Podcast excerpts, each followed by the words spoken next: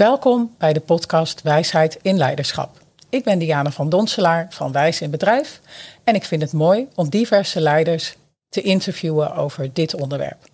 En naast mij zit vandaag Wiebo Kolen. Wiebo, wil je je even voorstellen? Ja, mijn naam is Wiebo Kolen. Ik ben uh, meditatieleraar en uh, heb een uh, lange ervaring als manager en organisatieadviseur. En heb dus heel wat ja, meegemaakt aan domheid en onwijsheid. nou, en dat is een mooie inleiding voor de volgende vraag. Want eigenlijk is altijd de startvraag in deze podcast: wat versta je dan onder wijsleiderschap? Dat is nog niet zo makkelijk. Want hoe onderscheid je wijsheid van domheid? En uh, ik moet eerlijk zeggen dat ik daar best wel lang over heb gedaan om daar een klein beetje zicht op te krijgen. Uh, als je wat jonger bent, dan uh, heb je de neiging om jezelf uh, behoorlijk slim te vinden. En uh, het duurt een aantal jaren voordat je je eigen slimheid wat meer leert relativeren en leert zien van nou, misschien heb ik dat toch niet zo handig aangepakt. En eerst gaat dat misschien vooral over hoe je dingen aanpakt in, in, in, in je werk, in de manier waarop je projecten leidt. Uh, gaat het vooral over de techniek en over je vakkennis. En veel later gaat dat eigenlijk ook langzamerhand steeds meer over hoe ga ik daar innerlijk eigenlijk mee om? En wat gebeurt er bij mij van binnen? En leer je uh, wat meer te kijken naar uh, ja, hoe, hoe, hoe je jezelf verhoudt tot de dingen die je aan het doen bent en tot de mensen in je omgeving.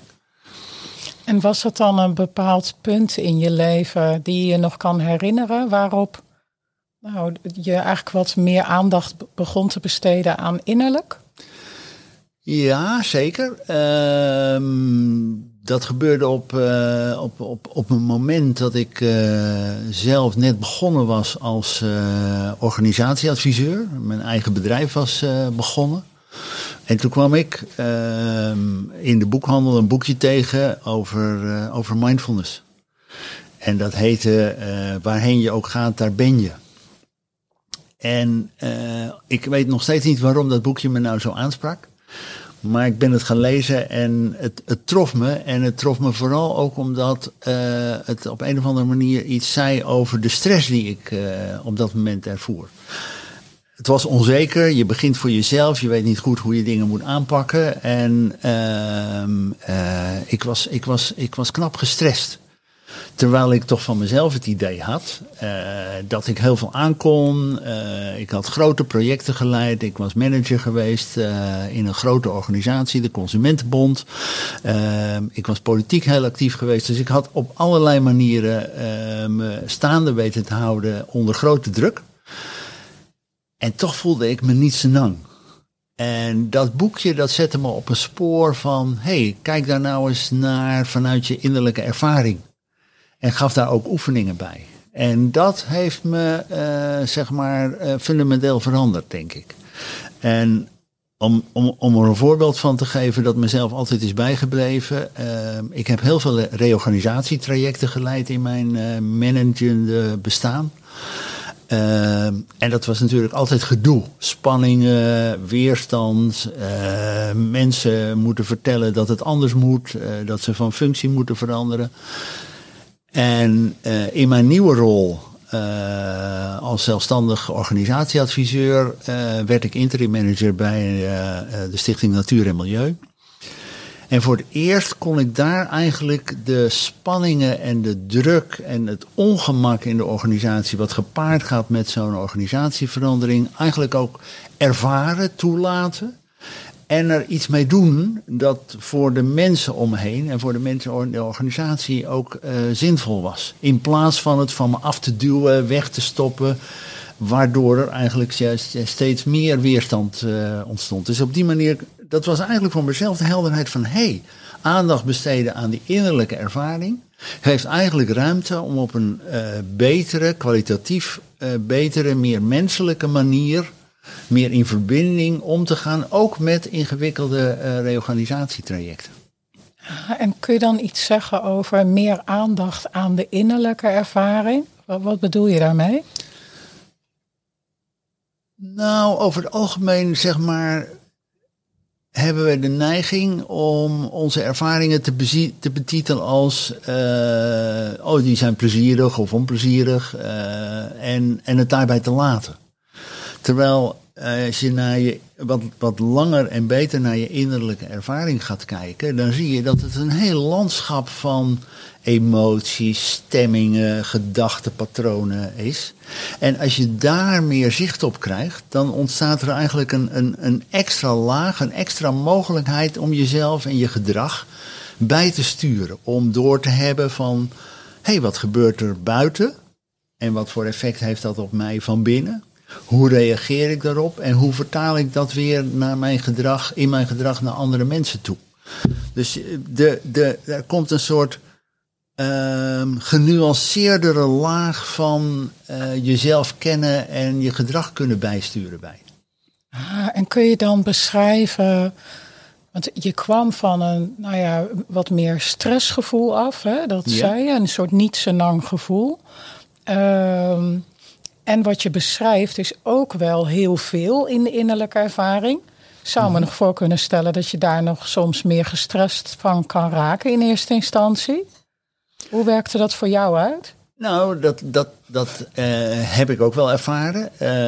Uh, als je meer op je uh, innerlijke ervaringen gaat letten, dan in eerste instantie kunnen ze je best overweldigen.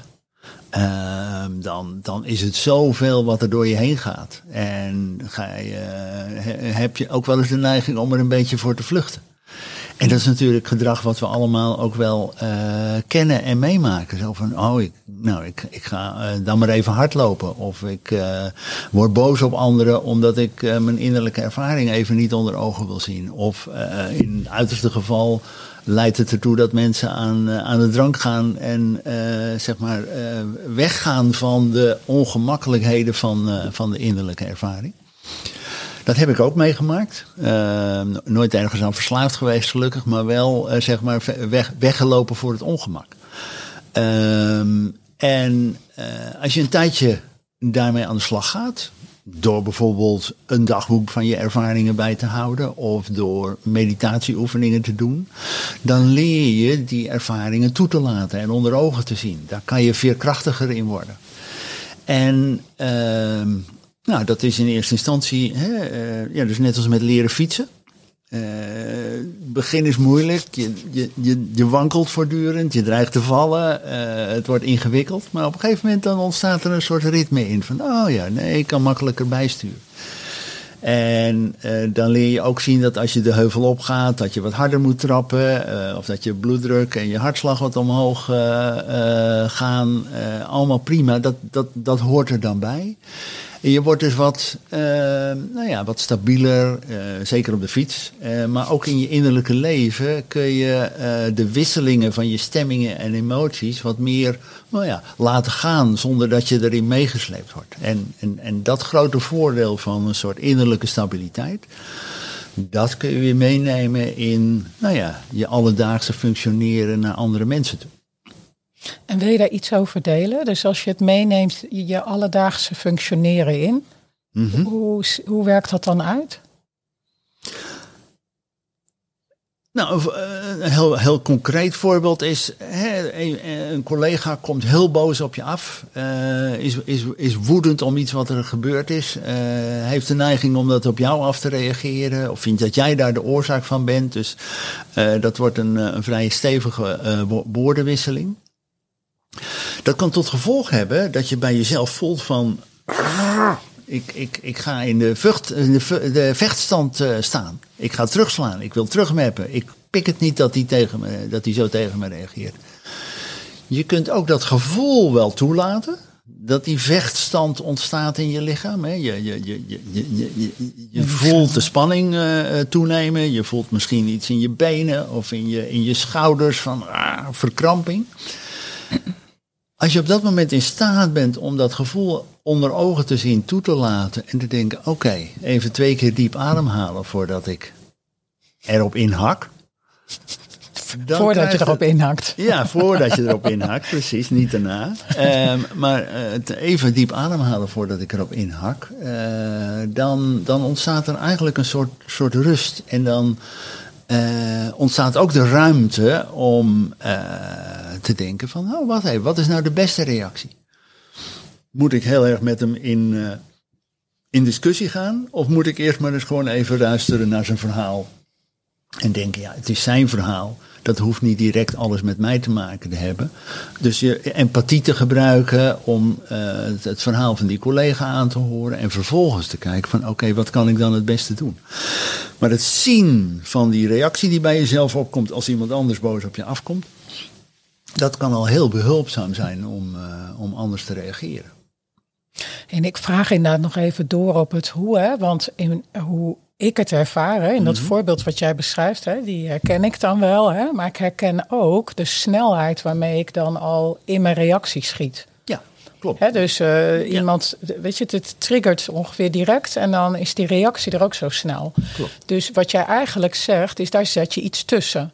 Waardoor je als het ware meer keuzevrijheid krijgt in je reactie. Ja, precies. Maar daarvoor moet je er wel een moment tussen weten te zetten. Je, je moet er een split second tussen weten te zetten. Ja. En dat is iets wat je kunt oefenen, gelukkig. Ehm, kijk, ons lichaam is zo gebouwd, hè, evolutionair, dat we uh, vlechten, vluchten uh, of verstarren. Maar ehm, eh, dat is een heel goed mechanisme dat we van de natuur hebben meegekregen. Maar in onze sociale omgang met andere mensen is vechten of vluchten niet altijd de beste verhouding. Kan je beter gewoon leren communiceren met elkaar. Dat leren communiceren is altijd een kwestie van kalmte organiseren, et cetera. En dat kun je door oefeningen te doen uh, onder de knie krijgen. Dat is, uh, nou, door, daarvoor zijn meditatieve oefeningen, veerkrachtoefeningen, allerlei uh, mogelijkheden om dat, uh, om, om dat te leren. Want ieder mens is daar ook weer anders in. Jouw vluchtreactie of vechtreactie zal weer anders zijn dan de, de, de mijne. misschien word ik direct heel boos en denk jij van nou ik loop even een ommetje, et cetera. Dat, dat zijn allemaal opties. Je opties kennen klassiek Grieks filosofie, uh, ken u zelf, is een heel belangrijke voorwaarde om, om in, in, in het onderling contact, in projecten, in, uh, in organisaties met elkaar te, goed te kunnen functioneren. Zo mooi hoor, dus dan zeg je inderdaad eerst je te organiseren. Ja, mm. en dat hoeft maar heel even te zijn, hè? want ja. je systeem is natuurlijk ook van nature geneigd om, ja, pam, in een splitsecond te doen. Als je daar in diezelfde splitsecond iets tegenover of naast kunt zetten. van hé, hey, wacht even, er is ook nog andere ruimte. Ja, dan, uh, dan helpt dat enorm.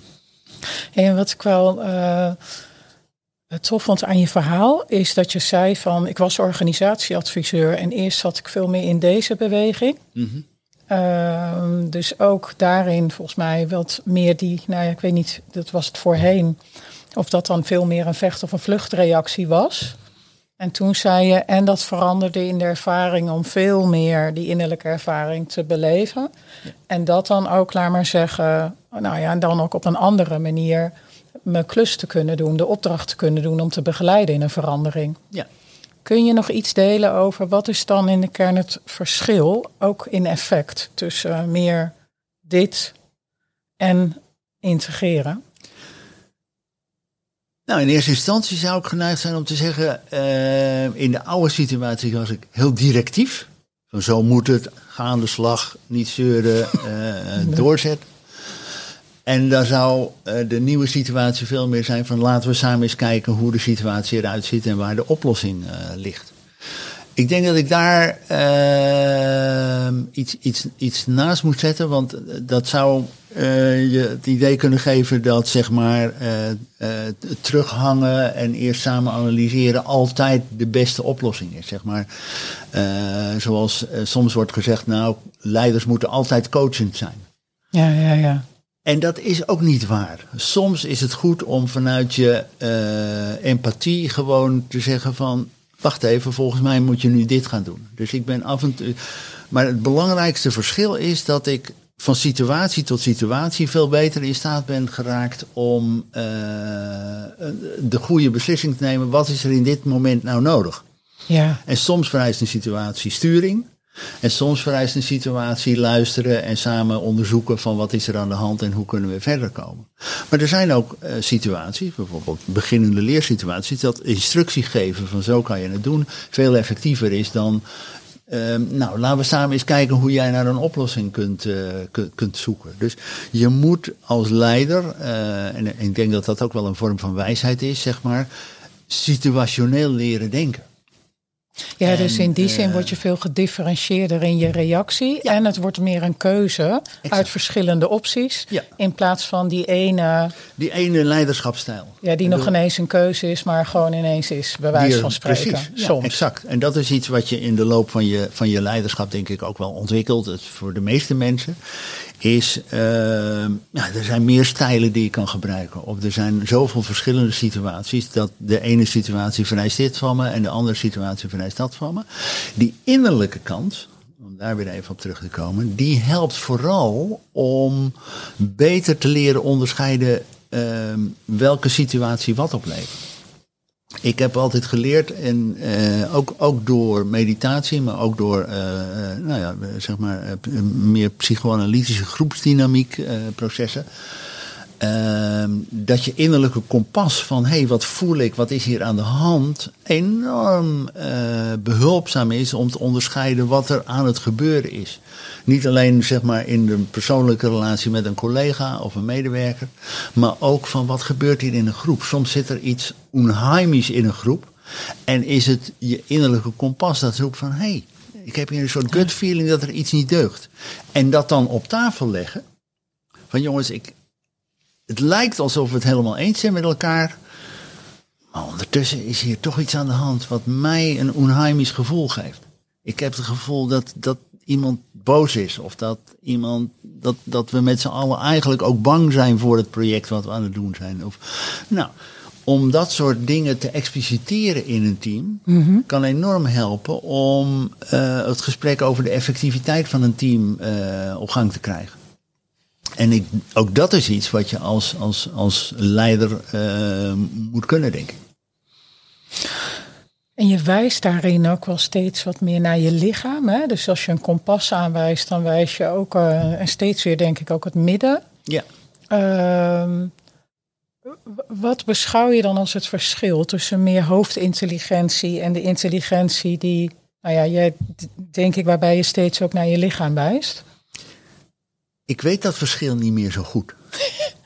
Ja. Nee, ik, uh, klassiek uh, vanuit Descartes maken we heel sterk een onderscheid tussen lichaam en geest, tussen denken en, en, en lichaam. En naarmate ik meer geoefend ben in die, die innerlijke kant, is voor mij het onderscheid tussen voelen en denken, tussen lichaam en geest, eigenlijk steeds meer relatief geworden. Ik denk ook met mijn lichaam.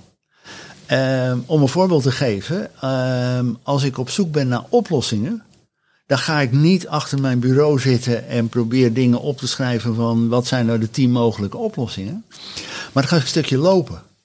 En dan probeer ik om me heen te kijken en te draaien en, en uh, nieuwe perspectieven uh, te zien.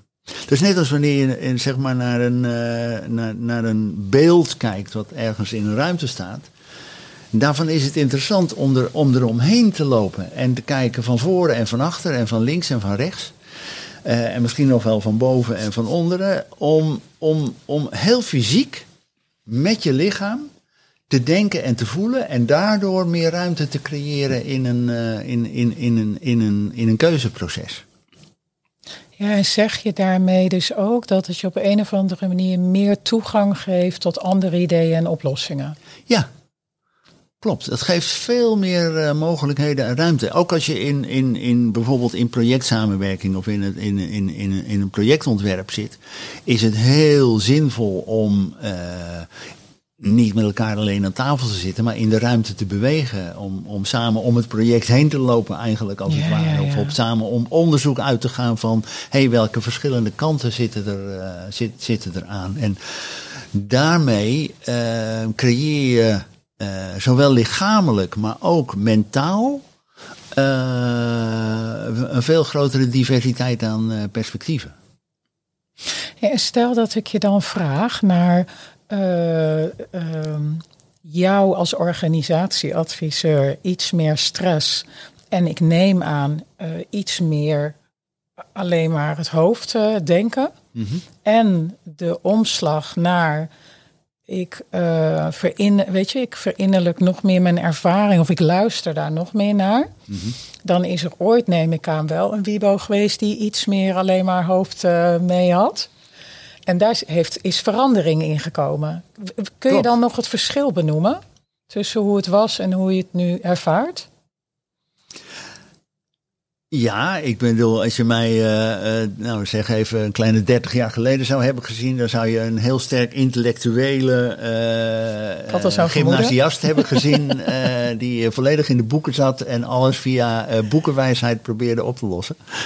Nog een stukje wijsheid, maar ehm, ehm, die, die, die, die, die aanpak is veranderd naar iemand die veel meer in zijn lichaam zit, levendig is en rondloopt. En, en ik denk dat denk dat het grote verschil was dat um, uh, ik de, de signalen, uh, gewoon de fysieke signalen van mijn, van mijn lichaam, uh, tintelingen in je lichaam, het gevoel van uh, rondpompend bloed, uh, pijntjes, ontspannen plezier, spieren die gemakkelijk ontspannen zijn. dat bewegen. Dat, bewegen, dat dat, dat, dat, dat, dat dat zijn plek en zijn ruimte heeft gevonden. mooi verschil is, ik ben een hardloper. en ik loop heel, een paar keer per week flinke afstanden. En een aantal jaren lang had ik heel veel uh, blessures. En keer op keer dacht ik van nou, moet anders aanpakken, moet rustiger lopen, misschien moet ik minder lopen, et cetera. Tot ik op een gegeven moment de sleutel kreeg en die zat hem in de manier waarop, de houding waarmee ik liep. Ik trainde elke keer, vier, vijf keer in de week, met de houding alsof ik moest winnen. En op het moment dat ik die houding van winnen kon loslaten en kon denken van... Het is gewoon leuk om te lopen en ik train er ook mee. Ehm, en laat ik eens kijken hoe mijn omgeving eruit ziet. Ik loop door het park en door de bossen en, en buiten en ook in de stad. Maar je kunt zoveel om jezelf heen zien. Maar ik was niet voortdurend bezig om mezelf op te pompen tot goed trainen. Oh ja. Sindsdien heb ik eigenlijk nooit meer last van blessures gehad. Een hele. Dus het is. Het, en daar zit ook wel weer iets in van hoe je met je geest en met je denken jezelf onder druk kunt zetten om het nog beter te doen. Dus je, je, eh, ons lichaam is, uh, reguleert zijn eigen stress wel. Maar we hebben dankzij onze briljante geest ook het vermogen om onszelf iets te goed onder druk te zetten en er nog een extra stresslaag overheen uh, te, te, te zetten. Waardoor je lichaam ook weer slechter gaat functioneren. Dus dan creëer je een soort vicieuze cirkel van uh, uh, ellende voor jezelf. Nou, en door die houding te veranderen, van nou, weet je, laat ik maar gewoon die afstand lopen voor die training, maar ik hoef niet te winnen in de training. Nou, dat gaf wel een hoop uh, lucht. Maar wel mooi ook om het verschil te horen tussen het voorbeeld wat je nu geeft van het verschil van moeten winnen ja. naar het is leuk om te trainen en te lopen. Ja. En diezelfde verandering klonk ook wel door in je rol als organisatieadviseur. Van Precies. jij moet ja. naar we gaan. We gaan, we gaan samen iets leuks doen. En kijken wat er kan. Ja, precies. Ja. Dat, is een heel groot, uh, dat was een heel groot verschil. En dat, heb ik ook, dat was ook het grote verschil in mijn manier van leiding geven in organisatie. Of manier, manier van leiding geven aan projecten. Van niet het moet, maar samen de energie organiseren om uh, er iets van te maken en te kijken. Te onderzoeken. en te onderzoeken. Ja. precies. Ja. En dat begint met ook dat innerlijke onderzoek. Van hé, hey, wat ervaar ik? En, en dat te gebruiken. Ja, ja, ja. Dus voor mij is, nou ja, even terug naar het thema van vandaag. Wijsheid in leiderschap is je, je vermogen om uh, innerlijk te onderzoeken uh, om dat uh, ten volle te benutten. Mm, mooi. En een laatste, een beetje richting de afronding. Mm, hoe dan in de dagelijkse hectiek, waar je van de ene meeting naar de andere rent, tegenwoordig door knoppen in en uit soms te drukken en dan, uh, weet je, en met een lading to-do's op je schouder. En hoe dan tijd vrij te maken, misschien soms zelfs wel taboe door te breken, om uh, op zo'n werkdag in een meeting stilte of te mediteren of hoe dan? Ja, Hoe dan? Shit, hoe moeilijk is dat? Ja. Want er is Eh, geen tijd soms. dat er is gevoel. geen tijd. Die druk die je eigenlijk Ja, beschrijft. precies. Ja, ja, ja. Het grote probleem van onze samenleving en van organisaties op dit moment is dat we die verantwoordelijkheid allemaal bij het individu leggen. Jij moet maar zorgen dat je die tijd creëert. Ehm, en daar zit, daar zit een. een eh, dat- dat, gaat niet lukken. Dat lukt ons individueel gewoon niet. De druk van Ja. de organisatie, van de omgeving, van het project ehm, is veel te groot. Dus de enige oplossing ehm, is om te zorgen dat er een soort collectieve eh, gewoonte ontstaat om dit soort dingen wel beter te doen. Teamgewoontes creëren die zeggen van luister eens, we stoppen even. Of als je in een hybride vergadering zit, eerst eens even te kijken hoe is het met, met ons. Eerst even te kijken, eh, zullen we niet aan het begin even gewoon vijf minuten eh, samen eh, ademhalingsoefeningen doen of mediteren? Eer echt met elkaar afspreken en daar ook de eh, handhaven, de hand aan houden, om een vergadering van een uur maar 50 minuten te laten duren. Ja. En, en overgangstijd te creëren naar de volgende vergadering, zodat je even los kunt komen, et cetera. Dus ik vind dat, zeg maar, eh, het creëren van goede gewoontes in groepen, in teams, de crux is naar het loskomen van die permanente druk om maar te versnellen en harder te lopen en meer te presteren. We maken ons met z'n allen gek. Gek, Ik ja. heb er een, eh hoe heet dat? Ehm, er is een prachtig verhaal. De meeste mensen kennen Olly B. Bommel wel en Tom Poes. En die, er is één verhaal van ehm eh, Martin Toner waarin hij eh, beschrijft, dat heet het monster van Rommeldom. Eh, Rommeldom is een, een stadje aan de rand van een gebergte. En één keer in de zoveel maanden komt er een monster uit die berg gelopen en die vernietigt dat hele dorp. En ze snappen maar niet hoe dat komt. Tot eh, heer, heer Olivier Bommel en Tom Poes worden gevraagd om als organisatieadviseurs te komen kijken. En die, gaan, die, die, die zijn in dat dorp en dan komt dat monster langs. En wat zij ontdekken is dat er iets vaart in de, in, in, de, in, de, in, in de geest van al die mensen. Dat ze als een gek met z'n allen de berg intrekken en er als een monster uitkomen. Dus die, die hele dorpsgemeenschap die heeft zichzelf een idiotie gecreëerd van werkdruk en spanning en dat ontlaat zich en dan vernietigen ze hun eigen dorp. En zo is het denk ik in de samenleving ook een beetje. Wij zijn als gekken bezig om harder te werken, nog meer te doen en door te rennen en te versnellen. En s'avonds een uurtje yoga te doen. En dan s'avonds doen we nog even een uurtje je- yoga en dat, dat helpt dan wel. Nee, we zullen echt onze collectieve patronen van gedrag moeten aanpakken.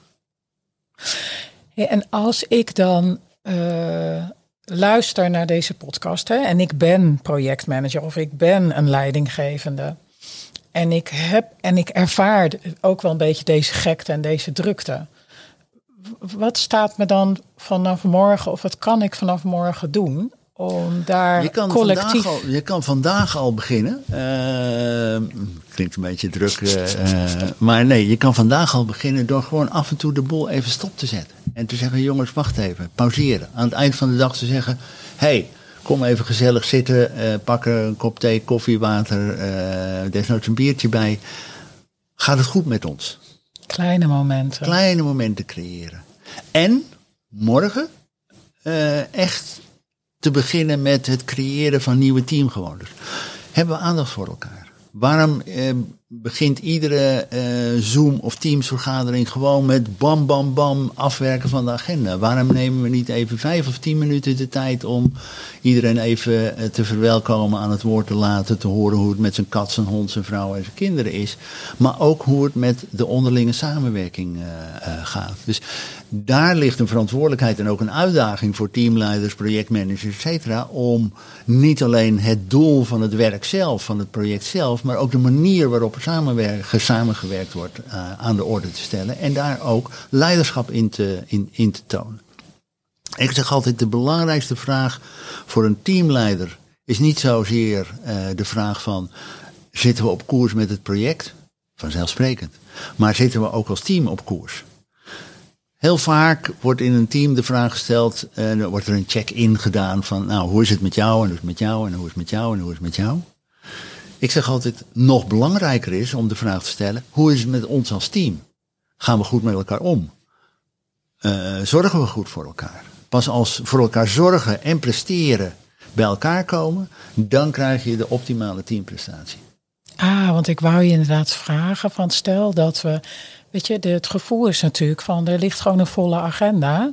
Uh, er is gewoon veel op inhoud te doen. Dus wat, wat levert het dan echt op? Of wat brengt het dan om daar, nou, gevoelsmatig zeg je eigenlijk tien minuten, kwartier vanaf te halen?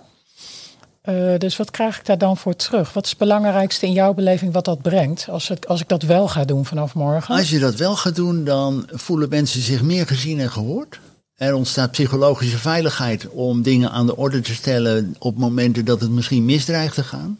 Dus je bent als team veel beter in staat om de spanningen en de druk die een project altijd met zich meebrengt, om die te managen. En daardoor wordt het team als geheel uh, productiever. En het leidt ook altijd tot minder stress, meer gevoel van welbevinden en dus een grotere uh, productiviteit. Ook dat kan je uit onderzoek uh, nalezen. Dus die combinatie van presteren en voor elkaar zorgen, die kan je ook in de praktijk waarmaken. En het klinkt ook als veel meer plezier.